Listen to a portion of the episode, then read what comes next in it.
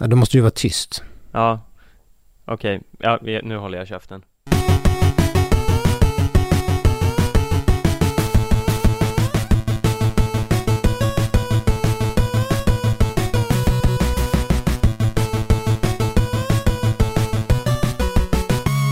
Ja, men god fortsättning. Välkomna till ännu ett, eller ska vi säga årets sista skidsnack. Och det är som vanligt jag, Stenqvist, och eh, som eh, vid min sida har ingen alls. Men det betyder inte att ni ska behöva sitta och lyssna på mig tjata i, ensam i en timme, lite drygt. Det vore väl ganska tråkigt. Eh, så jag har med någon på länk. Hallå, hallå! Ja, men eh, goddagens, goddagens. Ah, det var ju ingen mindre än eh, Sköld. Ja, nej, här, här är jag. Varför är du på länk? Eh, jo, men eh, eh, jag får ju helt enkelt bara eh, eh, meddela att jag, jag har åkt dit. Jag är eh, coronasjuk och eh, sitter där hemma i min egen privata lilla studio som är eh, sovrummet. Ja. Eh, ja, på den vägen är det. Ja, Man är inte Eh. immun ens som skidsnacks eh, profil. Nej det här är ju lite av en besvikelse framförallt eftersom vi satt och hyllade oss själva som stora förebilder som inte hade åkt dit och att, att alla, alla vi som inte hade haft corona än borde ses som samhällets stora hjältar. Ja, det är ju bara att äta upp helt enkelt. Ja, du är ingen hjälte längre. Nej, det är motsatsen får man väl ändå eh, Ja. slå till med. Skämmes ta mig fan. Ja, nej, Det är du och, det är du och Kalla. ja det är vi. Men hur mår du Stefan? Eh, nej, men eh, jag mår eh, eh, fysiskt eh, sett ganska bra. Eh, det jobbigaste med den här sjukdomen är ju den stora skammen över att eventuellt ha smittat folk. Men eh, jag, rent fysiskt så mår jag ju bra. Jag har ju inte jättemycket krämpor. Jag har, ja, ingen feber, jag har ingen hosta, jag har inte ont i halsen. De här klassiska sakerna. Nej. Eh, lite allmänt eh, hängigare än vanligt kanske, men inte heller så farligt. Så ja, det är inte så himla synd om mig, det kan man inte påstå. Eh, jag skulle väl säga att min version av det här är en, en sån ganska lindrig version. Ja, så det det är inte så att du tror att det, det hela är någon form av överspelat? Att det är egentligen det, det är mycket hype och, och lite verksamhet på den här sjukdomen? Eh, nej, jag tror väl eh, kanske snarare så att jag är ganska eh, eh, förskonad från eh, eh, allvarligare symptom om man säger så. Ja. Du menar att du är någon form av stålmänniska som kan klara av den här sjukdomen? Så kan man välja att tolka det. Men eh, jag eh, ställer mig eh, ödmjuk till andras smitta. Så jag, jag är en, I'm humble. Ja, nej, verkligen. Det står ju olika. Det har vi ju räknat ut vid det här laget. Vi kan väl konstatera att innan, när vi poddade sist så då var det ju, ja det var ju innan jul typ, eller hur? Ja, det var väl rimstuga va? Ja, Mm. precis. Så den spelade vi in några dagar innan den sändes. Eh, Så det hade ju, det har ju hunnit hänt en hel del sedan dess. Och apropå corona kan vi säga att eh, det såg inte ut som att eh, Charlotte Kalla var tillbaks i något så här dunderslag efter sin insjukning. Nej, hon gjorde ju en liten comeback där i de här svenska loppen i Östersund och där visade hon ju inte direkt eh, någon gryende storform direkt, det kan man ju inte säga. Eh, jag minns inte var hon slutade i det där loppet men hon var ju långt, långt efter eh, alla de eh, bästa och det blev ju ingen Tour de Ski för henne sen. Nej, nej hon var väl ett par minuter efter på, på det loppet. Så det, och det är väl intressant. Det pågår ju, det pågår ju stora undersökningar om hur eh, Tour de Ski drabbar idrottsutövare och, och kanske främst konditionsutövare som är av intresse här. Eh, Hur Tour eh, de Ski drabbar. Nej, jag sa Tour de Ski. Corona. Ja, Ja, det var det jag menade. likartade saker. Ja, precis. Hur drabbar Tour de Ski? Nej, men hur corona drabbar eh, folk som håller på med konditionsidrott och det verkar inte som att det finns några färdiga studier än, uppenbarligen. Det är inte så konstigt. Eh, men eh, jag, jag kan bara som lite så här, eh, eh, eh, vad säger man, kuriosa nämna en, eh, en, en, olika diskussioner i en längdskidorsgrupp i Stockholm. Mm. Där verkar folk, eh, vissa, vissa uppger, då kom det en stor tråd om just eh, folk som hade haft corona och, och hur de hade upplevt att det hade påverkat träning. Många verkar ju fightas väldigt länge med att komma tillbaks i den nivån man var innan. Det är liksom pulsen skenar iväg, andetagen, man får ta liksom väldigt mycket mer andetag. Man, man kommer mycket, mycket fortare upp i maxpuls och liksom att man, man tar slut snabbt liksom. Mm. Att eh, kroppen dundrar upp i, i, i puls och, och andetag och, och alltså att man, man, att det bara tar slut jättefort för många. Eh, även liksom eh, veckor efter att man har blivit frisk. Eh, men sen är det väl säkert andra som eh, upplever att det är mycket lindrigare. Eh, så det är väl väldigt individuellt. Mm. Men man kan ju man kan ju ändå förstå lite grann skidåkare som väljer att ta verkligen det säkra för det osäkra i alla lägen och inte vilja dra på sig den här sjukdomen eftersom det är så pass oklart hur allvarligt det drabbar. Ja, men det, är som, det, är ju så här, det känns ju som en eh, sjukdom som är så Alltså man kan ju fatta att det är lite eh, ovissigt i hur man ska ta sig tillbaka när det är sådana märkliga, konstiga symptom som eh, slår helt olika och hur länge man, man eh, har det och så vidare. Jag har ju fått ett extremt märkligt symptom kan man ju säga. Eh, som eh, är att det känns som att jag är lite solbränd. Eh, som att huden är lite lätt svedd, som om man har varit i solen men inte riktigt blivit bränd. Eh, och det är ju rätt många som har sådana här udda symptom. Eh, Ja det här låter ju helt... Har du liksom... eh, Har du uppfunnit nu ett nytt symptom för corona? Ja, men det verkar lite så. Jag har inte hört just det här eh, förut, men det är vissa som brukar, eller jag har hört folk som säger att de har känt så pirr i benen. Mm. Eh, och det är så här, märkliga känslor i näsan och så vidare. Eh, det, för jag, jag är också så här att jag är som, jag har lite eh, som snuva utan att det, jag har ju ing, det är inga snor i mina näsgångar, men det är Nej. ändå som att det känns som att jag har snuva. Eh, vilket också är en väldigt märklig känsla. Mm. Och det, det här eh, har ju folk vittnat om att det bara pågår. Eh, eh, även om man, för jag känner mig ganska frisk, men jag kan ju tänka mig att skulle man börja flåsa så skulle det ju göra sig påmint på ett sätt. Det här vet jag ju inte, men eh, det är ju så jag föreställer mig att det kan vara och hur länge sånt eh, håller i sig. Det, det, ja, det, det är ju ingen som vet.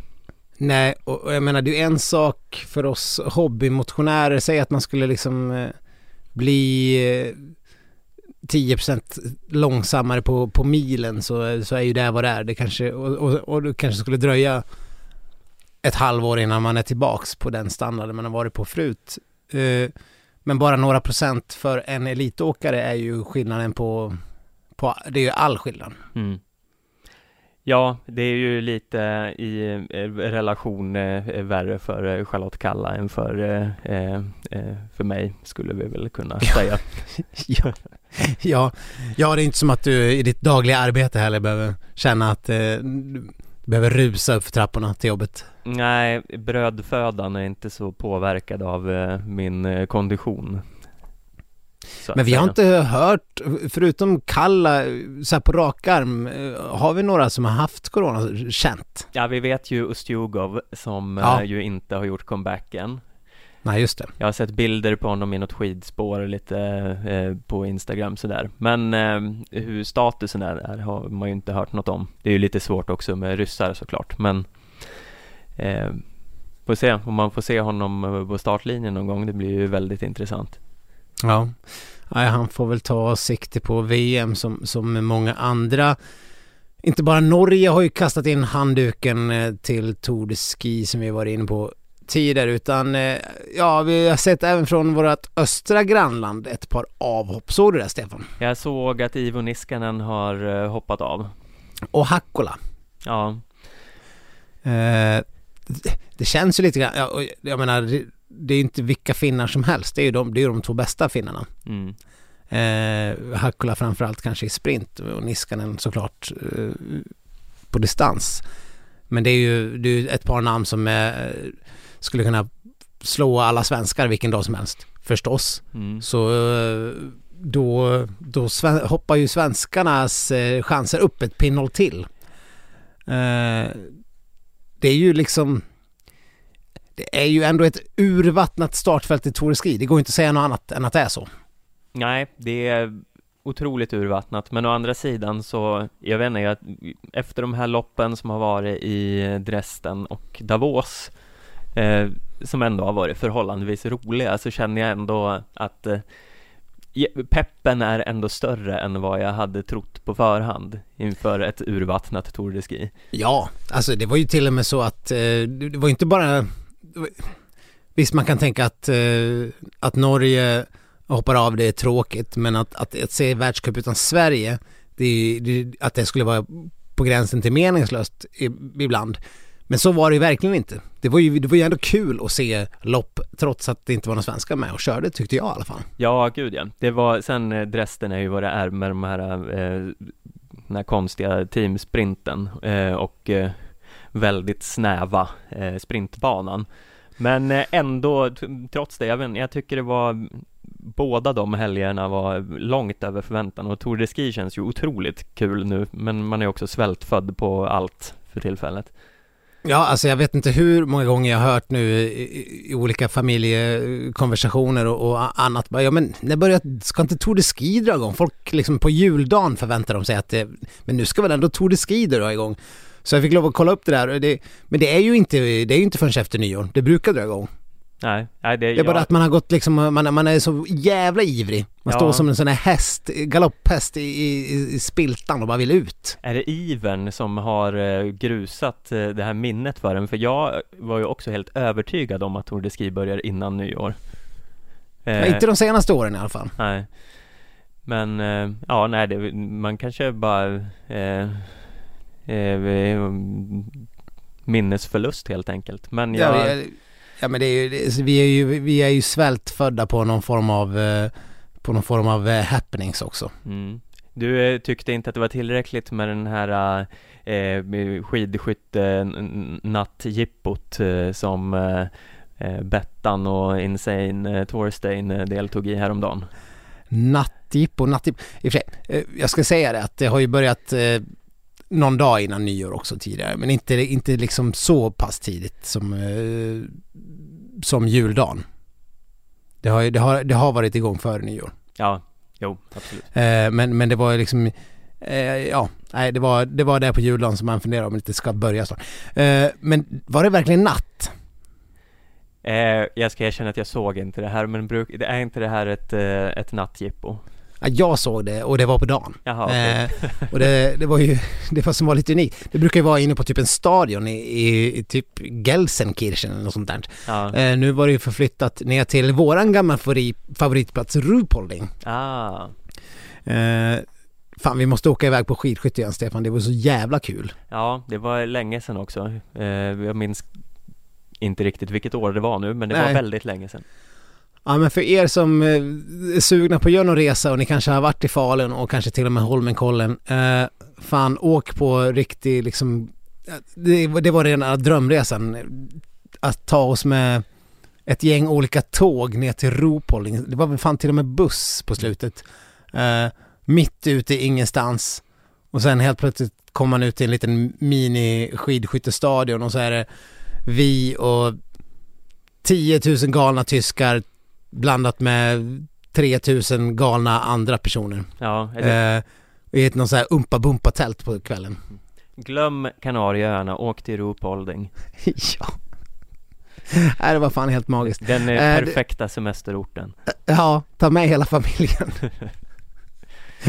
Nej, det var fantastiskt. Eh, vad pratade vi om? Jag vet inte men jag antar Jo, att det var eh, jippot. Jo, men, eh, jo, men vad fan, det var ju, alltså de andra länderna hade ju skickat eh, sina toppnamn. Det var ju liksom, eh, det var spändabågar till höger och vänster. Wirers och, och Hofers och, ja, you name them, they were there.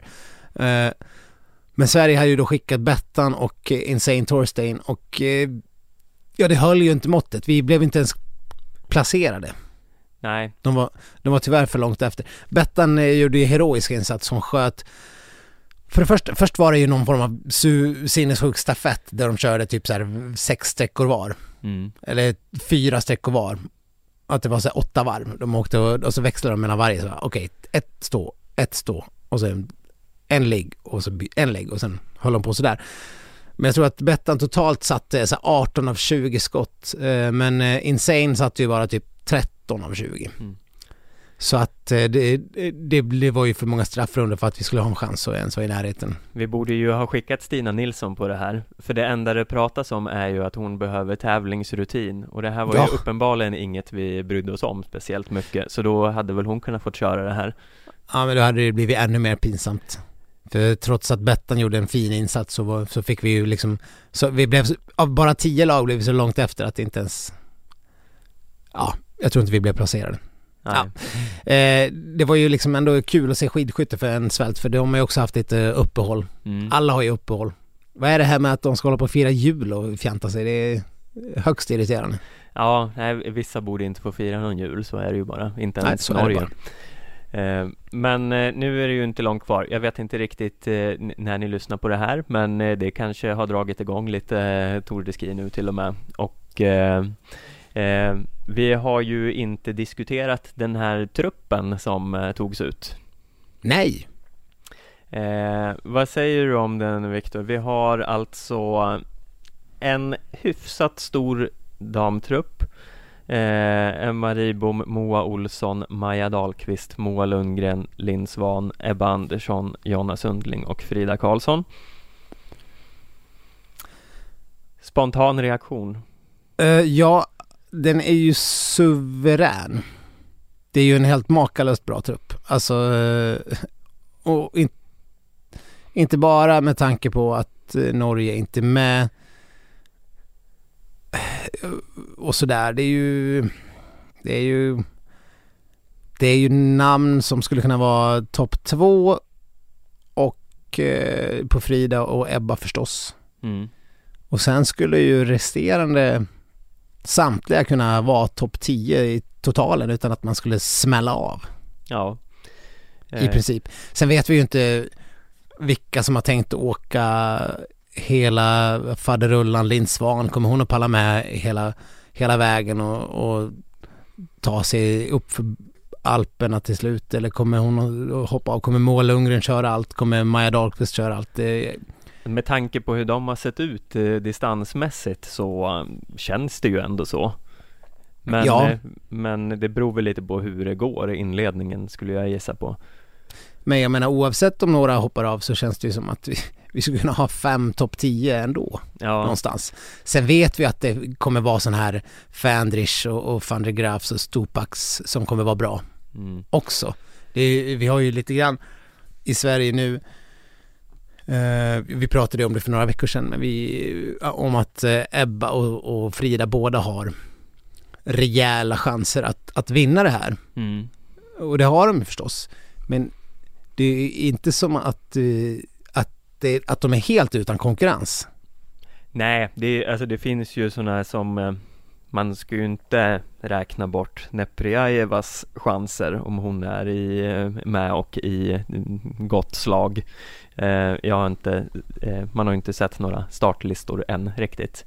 Nej, Men eh, det som talar för Frida och Ebba är ju att man tänker att de kommer vara otroligt mycket starkare i klättringen än många. Mm. Nu har vi ju inte sett mycket klättring från deras sida där men eh, jag är ganska övertygad om att Frida Karlsson är ganska bra på att klättra upp för den där backen på något sätt. Ja, hon har ju som sagt, det, vi har ju pratat om det här Hallstaberget eh, eh, som har varit fram och tillbaks. Men det finns ju liksom eh, ja, men Statlober brukar vara väldigt bra. Nu har inte ens jag sett Österrikes trupp och sådär men eh, vad de har nu. Eh, men det finns ju alltid namn mm. som inte är Sverige och Norge som är med där uppe oavsett eh, eh, var de kommer ifrån. Det finns alltid andra spännande ryssar. Det finns, eh, ja men nu har vi ju sett eh, sådana som Fanders och van der Graaf som har varit i jättebra form. Mm. Eh, så det, det, det, det är liksom, man ser i rapporteringen, det pratas om eh, såklart om att Ebba och Frida är bland favoriterna men Ja, det finns ju faktiskt. Och det är som du säger, Neprajeva brukar inte heller vara särskilt dålig. Nej, men du vill alltså ta ner den här duellen som alla pratar om nu, Frida-Ebba-duellen? Du... Ja, men det känns som vi bygger upp, vi, vi, det borgar för någon enorm besvikelse om de inte når hela vägen. Sen ska vi säga att eh, nog för att eh, Frida har testat på lite grann, men de är ju verkligen inga sprintstjärnor. Nej, eh, nej det är ju, det är ju sant, men eh, jag vet inte, det känns som att sprinters ändå har en så stor uppförsbacke i Tour de Ski. Så de, jag tror verkligen att de har tillräckligt eh, inom sprint, åtminstone Frida, för att nå långt. Mm. Ja, men en sån som Permakoski, nu har inte hon varit i någon så här superslag den här säsongen, men hon hade ju varit en, en en, en absolut favorit om hon har bara liksom visat upp lite av gamla Permakoski. Mm. Där hade man, hon, hon hade ju varit uppe där med Frida och Ebba någonstans. Ja, jo verkligen. Det finns ju, om man börjar kolla på det så finns det ju hur många namn som helst. Eh, men nu känns det som att allt, nu, visserligen från svensk sida, men det byggs ju upp som en, eh, en Frida-Ebba-duell det här. Och det kan man väl ändå tycka är lite kul på förhand. Sen eh, får man väl åka på en besvikelse eller två där, men eh, det känns ändå som att det byggs upp för en eh, ganska rolig Tour de Ski om det är så. Absolut, jag menar vi, vi kommer ju, vi kommer ju vi, vi kommer ändå bli besvikna om det inte är så att båda har någon form av tätkänning inför sista klättringen. Mm. Och, och som du säger, vi har ju, vi har ju ex, lite lite kanske extrema förväntningar på hur de ska kunna klättra. Mm. Eh, eftersom man inte riktigt har sett det förut. Så det är klart att eh, det är klart att det är spännande att se hur Ebba, hur Ebba klättrar när hon, om hon har chans på seger till mm. exempel. Mm. Det är ju det är ett annat att, att klättra och vara liksom eh, jättelångt efter Johaug och ändå inte, ja, jag menar, det, det är lite annat om man, eh, om man åker för att vinna. Mm. Ja, absolut. Eh, men eh, jag skulle ändå vilja sticka ut hakan och säga att vi, eh, vi har eh, två svenskor topp tre. Om nu det är att sticka ut hakan. Jag vet inte. Ja men det, ja alltså.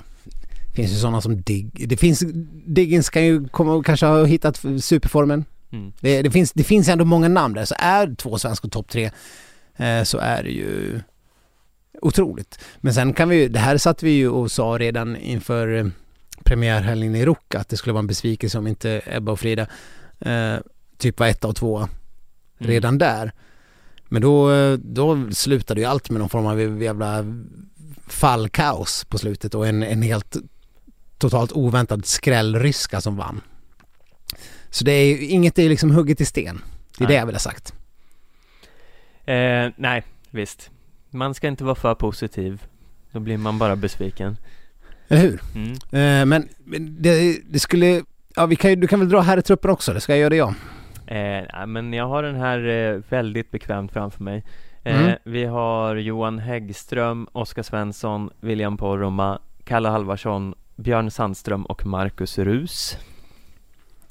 Ja, och på förhand kanske inte det skulle ägga upp en sådär överdrivet mycket. Men om man, om man går igenom dem lite individuellt här. Mm. Eh, Johan Häggström. Mm. Fan, där har vi ju där har vi ju pallplatser i var, varenda sprint att kunna hoppas på. Mm. Speciellt eh, när, när det är ett helt Norge saknas. Nu har vi, fick vi inte se honom här i världscupen eh, bara för att Sverige inte var med.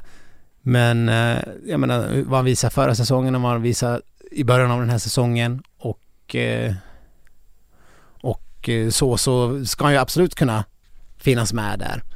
Och han har ju även eh, gjort stora framsteg på distansen så en Tour kanske är liksom perfekt för honom. Ja, han var ju också ganska bra senast eh, vill jag minnas. Han hade någon, något lopp där han flunkade ur men annars var han ganska högt uppe.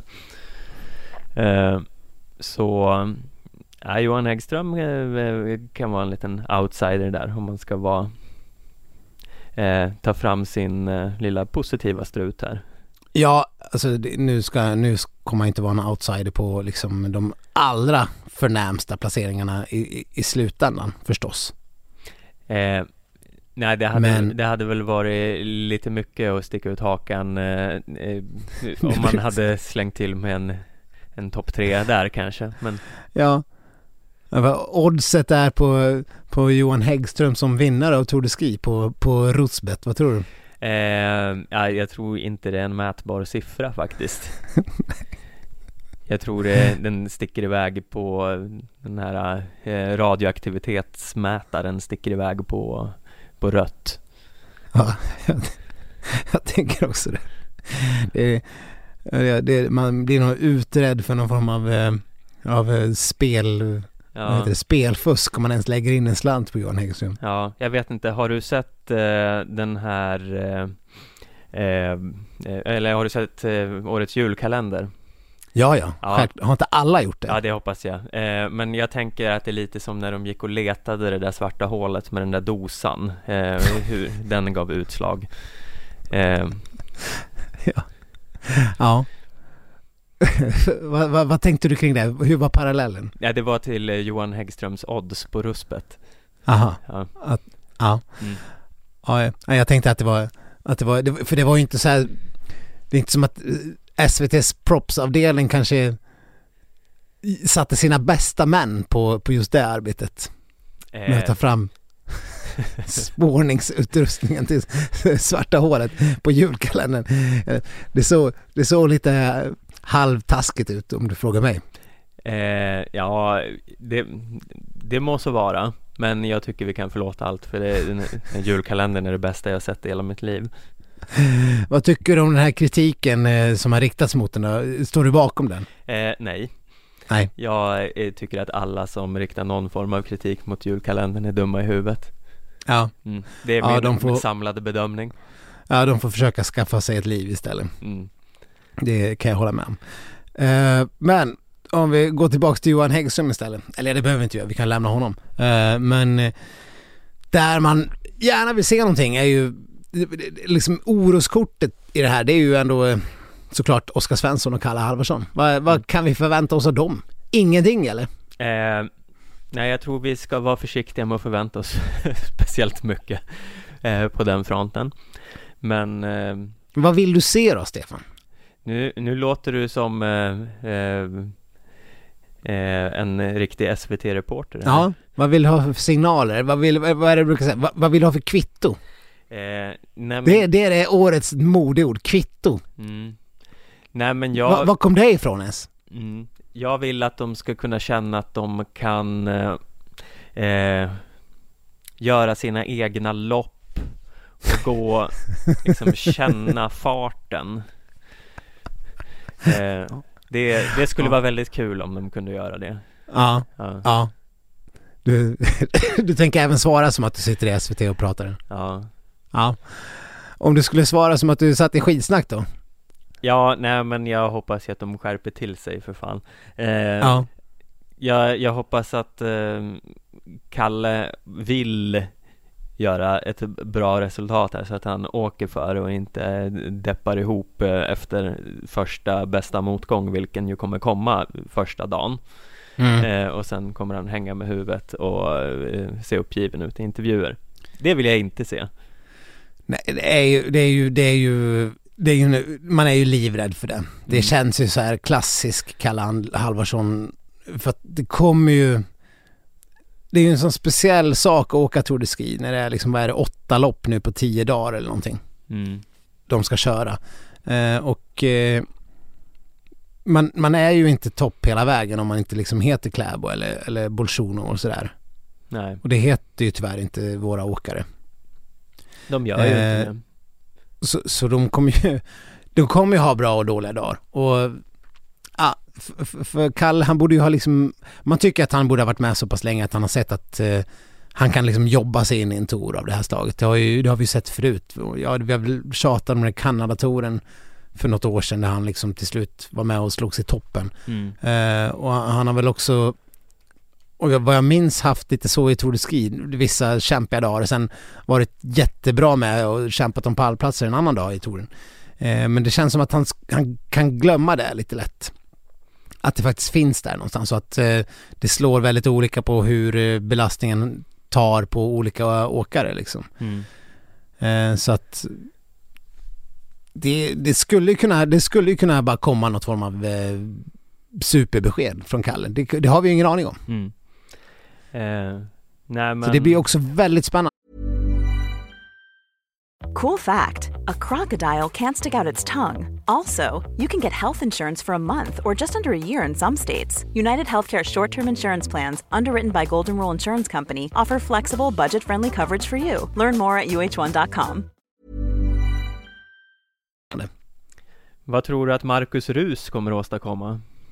Ja, där får vi väl... Den, den kan vi väl ändå säga att allt som är en topp 15-placering är, är någon form av eh, en liten anteckning i sidan. Mm.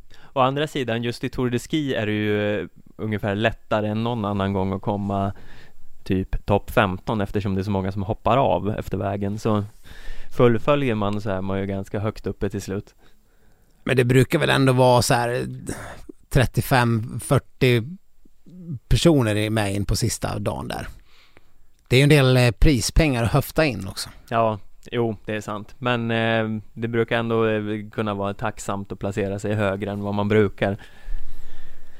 Mm. Men eh, Ja, Eh, vi har ju eh, eh, vår nya guldgosse William Poromaa också som intressant startman. Han har ju... vad var det jag läste att han hade fått för smeknamn? Det här var ju våran artikel. Alltså, som var skriven av våran eminente kollega Peter Thorén. ja, Eh, ska vi se. Ett smeknamn som jag aldrig hade hört. Frälsaren. Frälsaren. Ja. Det är ju något som vi borde ha lanserat. Mm. Vår, Har vi det? Säger. vi? Kanske, vi kanske har sagt det utan att veta om det. Ja. Eh, ja men det, vi, vi får se om man kan eh, leva upp till det. Det är ju, eh, det är ju ett starkt namn. Det är, det, är, det är mycket att bära på sina axlar. Ja. Ja speciellt så här i juletider. Det är, alltså, det är, en, det är en hisnande jämförelse. Ja, men eh, han har ju, eh, läste ju här eh, idag att han har anammat ett träningskoncept som eh, ju vi i skidsnack har efterfrågat lite tidigare år i alla fall. Ja, Eh, vurmat för skulle man kunna säga va? ja, och det har Poromaa plockat upp. Han har, nu vet jag inte exakt hur det är utformat, men han har gjort ett eh, tränat efter ett Wolfgang Pichler-inspirerat eh, grisschema, eller hur det nu formulerades. Underba- underbart! Ja, Man, man liksom gottar sig bara man hör. Gri, grisscheman är ju liksom allt man vill, eller grispass. Ja. Det, är, det är allt man vill, man vill ju att de bara ska ha grispass egentligen. ja, för jag vet att du har ju uttryckt mycket frustration kring, ja men bland annat eh, Burman när du har sett hans träningsdagar eh, dagar på bloggen, att han bara verkar ut och åka lite. Ja men det, är lite- ja, men det, det är lite så här. Det kanske är hur han presenterar det i sin vlogg själv, men det är så här, ja nej men då ska väl ut och köra lite eh, fristil då, tre timmar. Mm. Ja. Ja, och sen, sen åker han runt och myser och filmar lite tre timmar och sen, Mm. sen är det bra. Mm. Sen hem, sen eh, kanske han är ute och kör något litet eh, myspass på Det är som att det bara är så här myspass. Ja, men kameran lägger på tre ton mys Jag hoppas verkligen det. Mm. Alltså, borde inte han, borde inte skidåkare, alltså film, be någon filma de de här sista tio sekunderna av ett grispass istället så man liksom ser att de verkligen är nerkörda och nedtryckta i botten. Mm. Det sku, om det om något skulle få motståndarna som eventuellt kollar på det tänka jävlar, han kör grispass. Ja. Ja, nej men... Få någon form av, eh, oj nu går, nu går Burman upp och drar. Fan, vi har ju sett vilka grispass han kör. Jag vet inte om jag ska haka på den här jäveln. Mm. Han verkar vara ett jävla toppslag. Mm. Nu vet de ju att Burman, ja men då kommer det vara lite så här solskenstempo i fyra kilometer. Det är bara att lägga sig i hackrygg. Ja. Det är, fram med selfiepinnen och, och spela in det här för vloggen. Mm. Det är inga problem. Det är så, lite, så, så jag tänker att det finns någon inneboende psykologi i det där också. Mm. Men eh, jo, eh, det här Poromas eh, grispass, Pitchler-inspirerade grispassen, det verkar ju, om vi, om vi ska gå in på det lite mer konkret, enligt hans eh, tränare Lars Ljung då, så kör han var tionde dag en, eh, en, mycket, eh, en, en 90 minuters pass i tröskelfart. Mm. Eh, jag vet inte hur mycket tröskelträning du har gjort Stefan, men eh, man, man har väl testat på det ibland. Och, och det är ju då eh, när man håller ett sådant tempo att man ligger liksom strax under någon form av mjölksyregräns Ja. för att liksom pusha den lite grann. Man får inte gå över för då, då, då, tar, det ju, då tar det ju slut. Utan man ska liksom ändå, det är, man ska ligga i så pass, så pass högt tempo att du ska kunna, du ska pressa dig så mycket det går utan att gå över gränsen liksom. Och det är det som är tröskelfart. Som jag har författat det som, lite enkelt eh, beskrivet. I alla fall så jag har testat när jag har gjort. Och eh, med 90 minuter, ja. det låter ju sinnessjukt. Ja, det låter eh, som tortyr. Ja, det låter ju som ett rispass och och då Mm. kanske det är med pauser så där involverat, det framgår inte riktigt eh, men 90 minuter totalt i effektiv tid. Så det kanske är, säg att det är en halvtimme tre gånger i tröskelfart. Ändå, det är liksom, det, det är grispass. Ja. Varken mer eller mindre. Och det kör han var tionde dag. Men sånt, eh, sånt blir man ju glad av att läsa. Mm. Ja, man skulle ju vilja att eh, de kunde anpassa det här som någon form av koncept inom hela laget, kan man ju känna när man hör det. Men eh, ja, det räcker ju med att vi vi får en som kan visa att det är vägen så kanske det kommer av sig självt.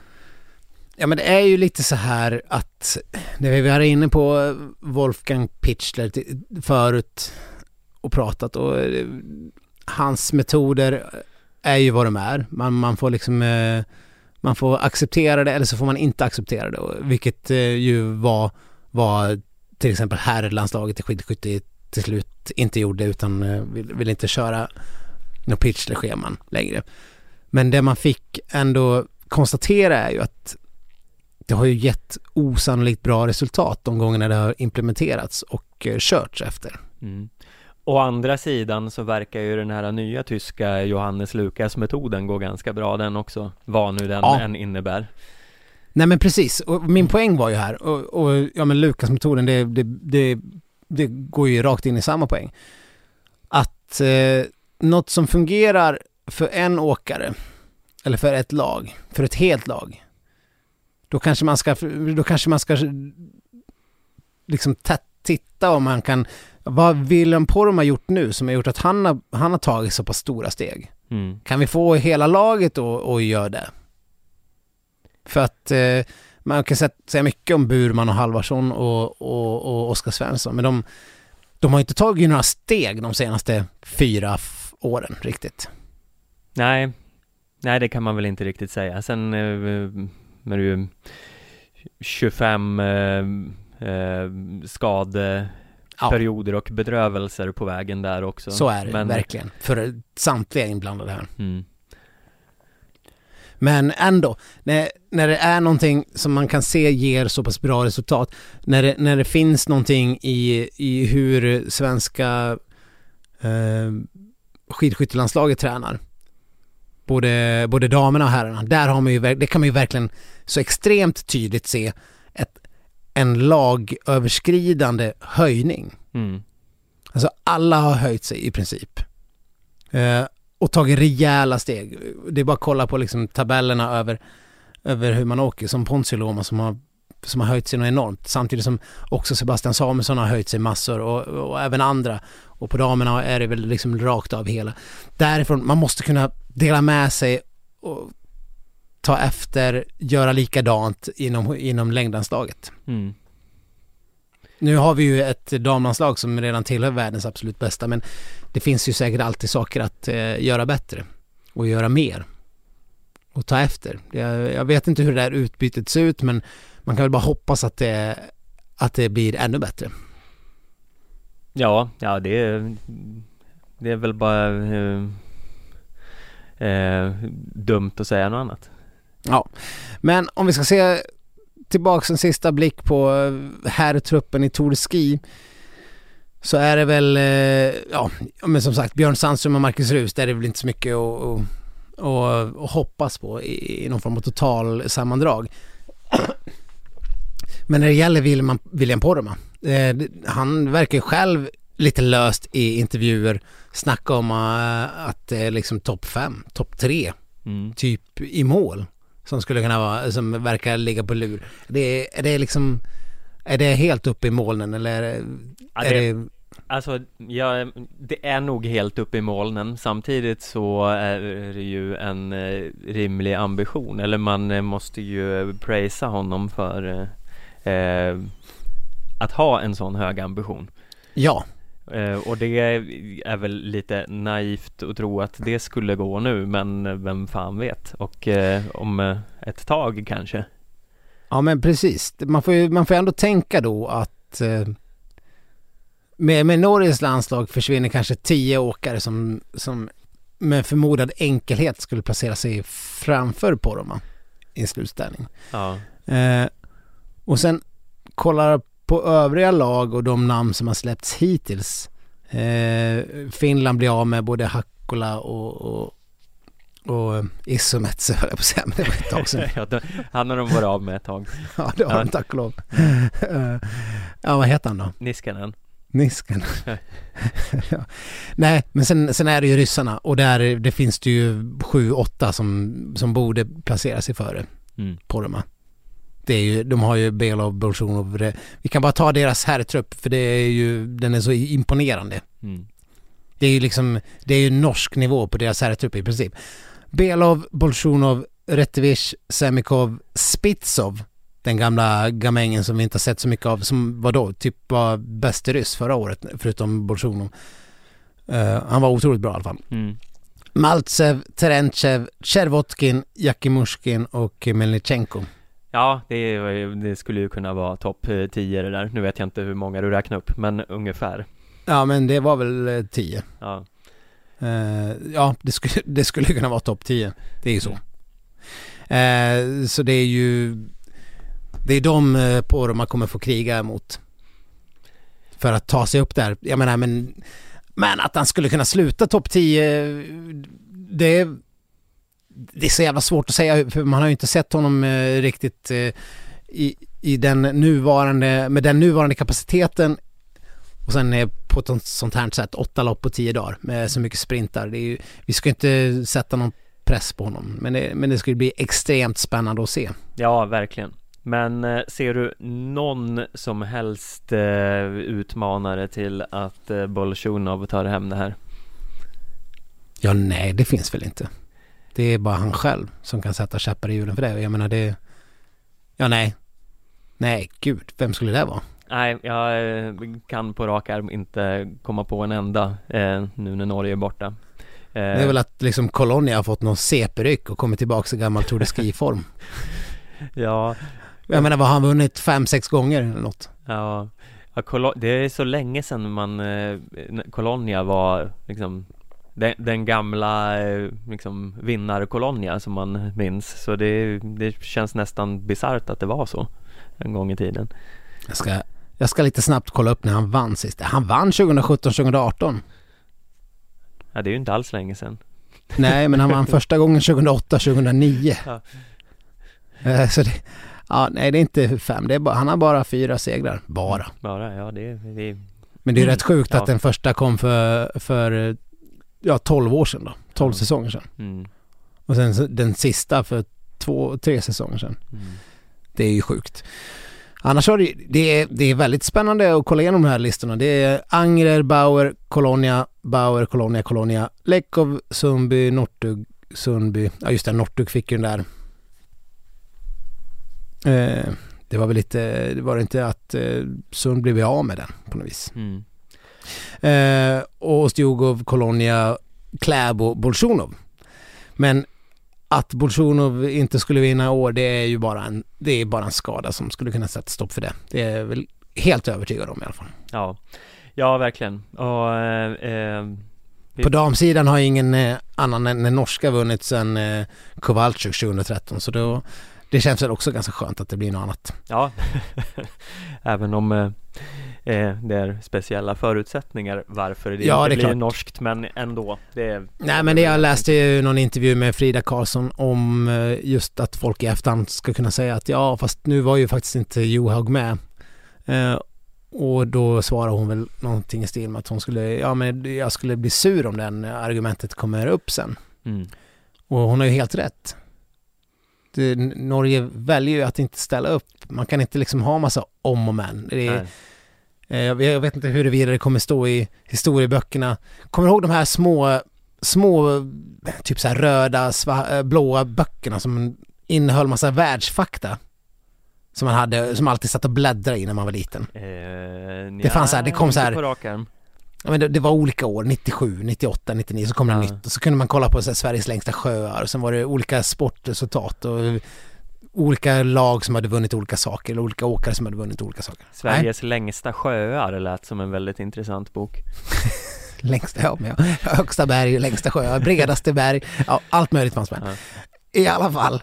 Mm. Eh, där kunde man ju också se så här olika resultat från OS och, och så här, ja men här i, i Moskva 1980, där var ju minsann USA inte med och i, i, i Los Angeles 84, det var ju minsann eh, Sovjet inte med Mm. och sånt.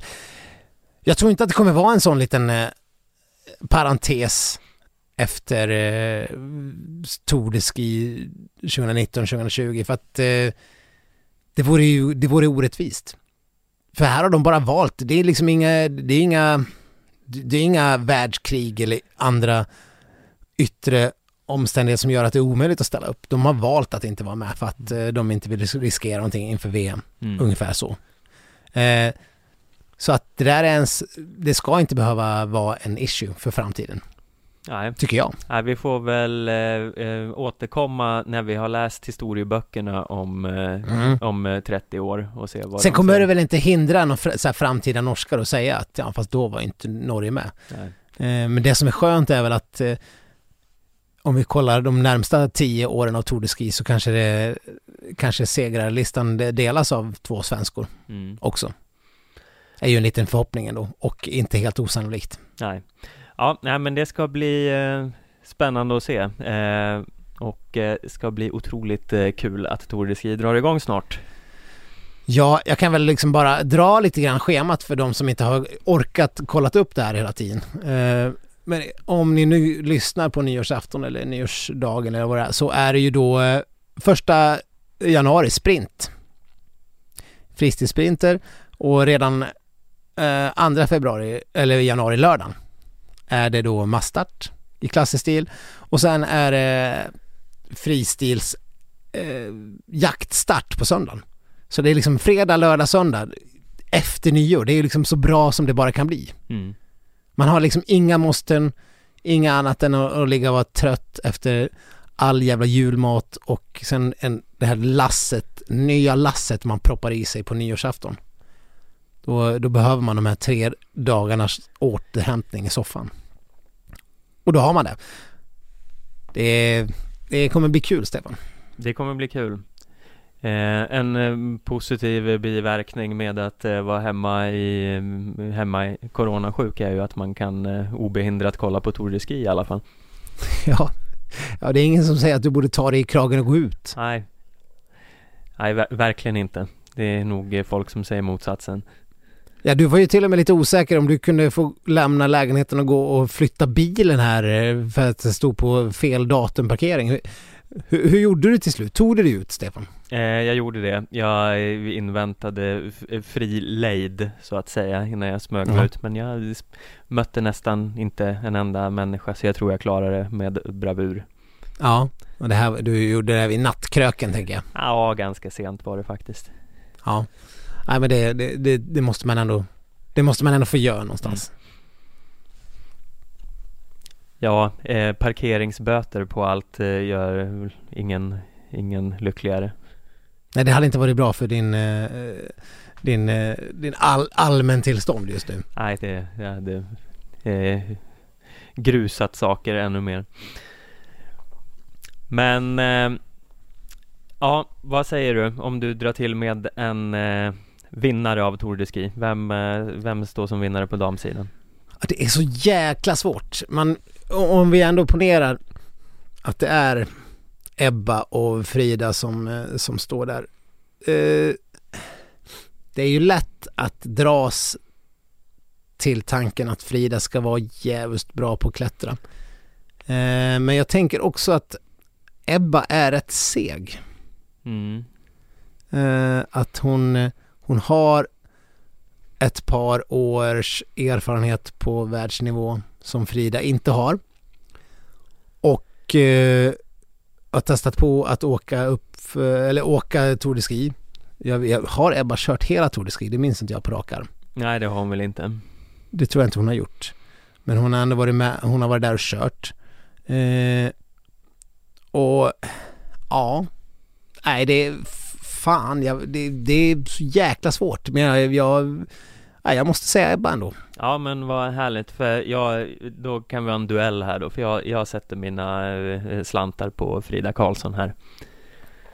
Mm.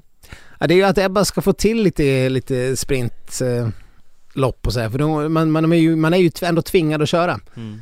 Eh, sen är det ju inte det som kanske kommer vara avgörandet, men det kan ju bli, det kan ju bli väldigt många sekunder upp om hon är för kass. Mm. Ja, Ja. men eh, ja, vi får se hur, hur avgörande det blir, men eh, nej, jag vet inte. Jag känner att det, det kommer vara Fridas stund det här.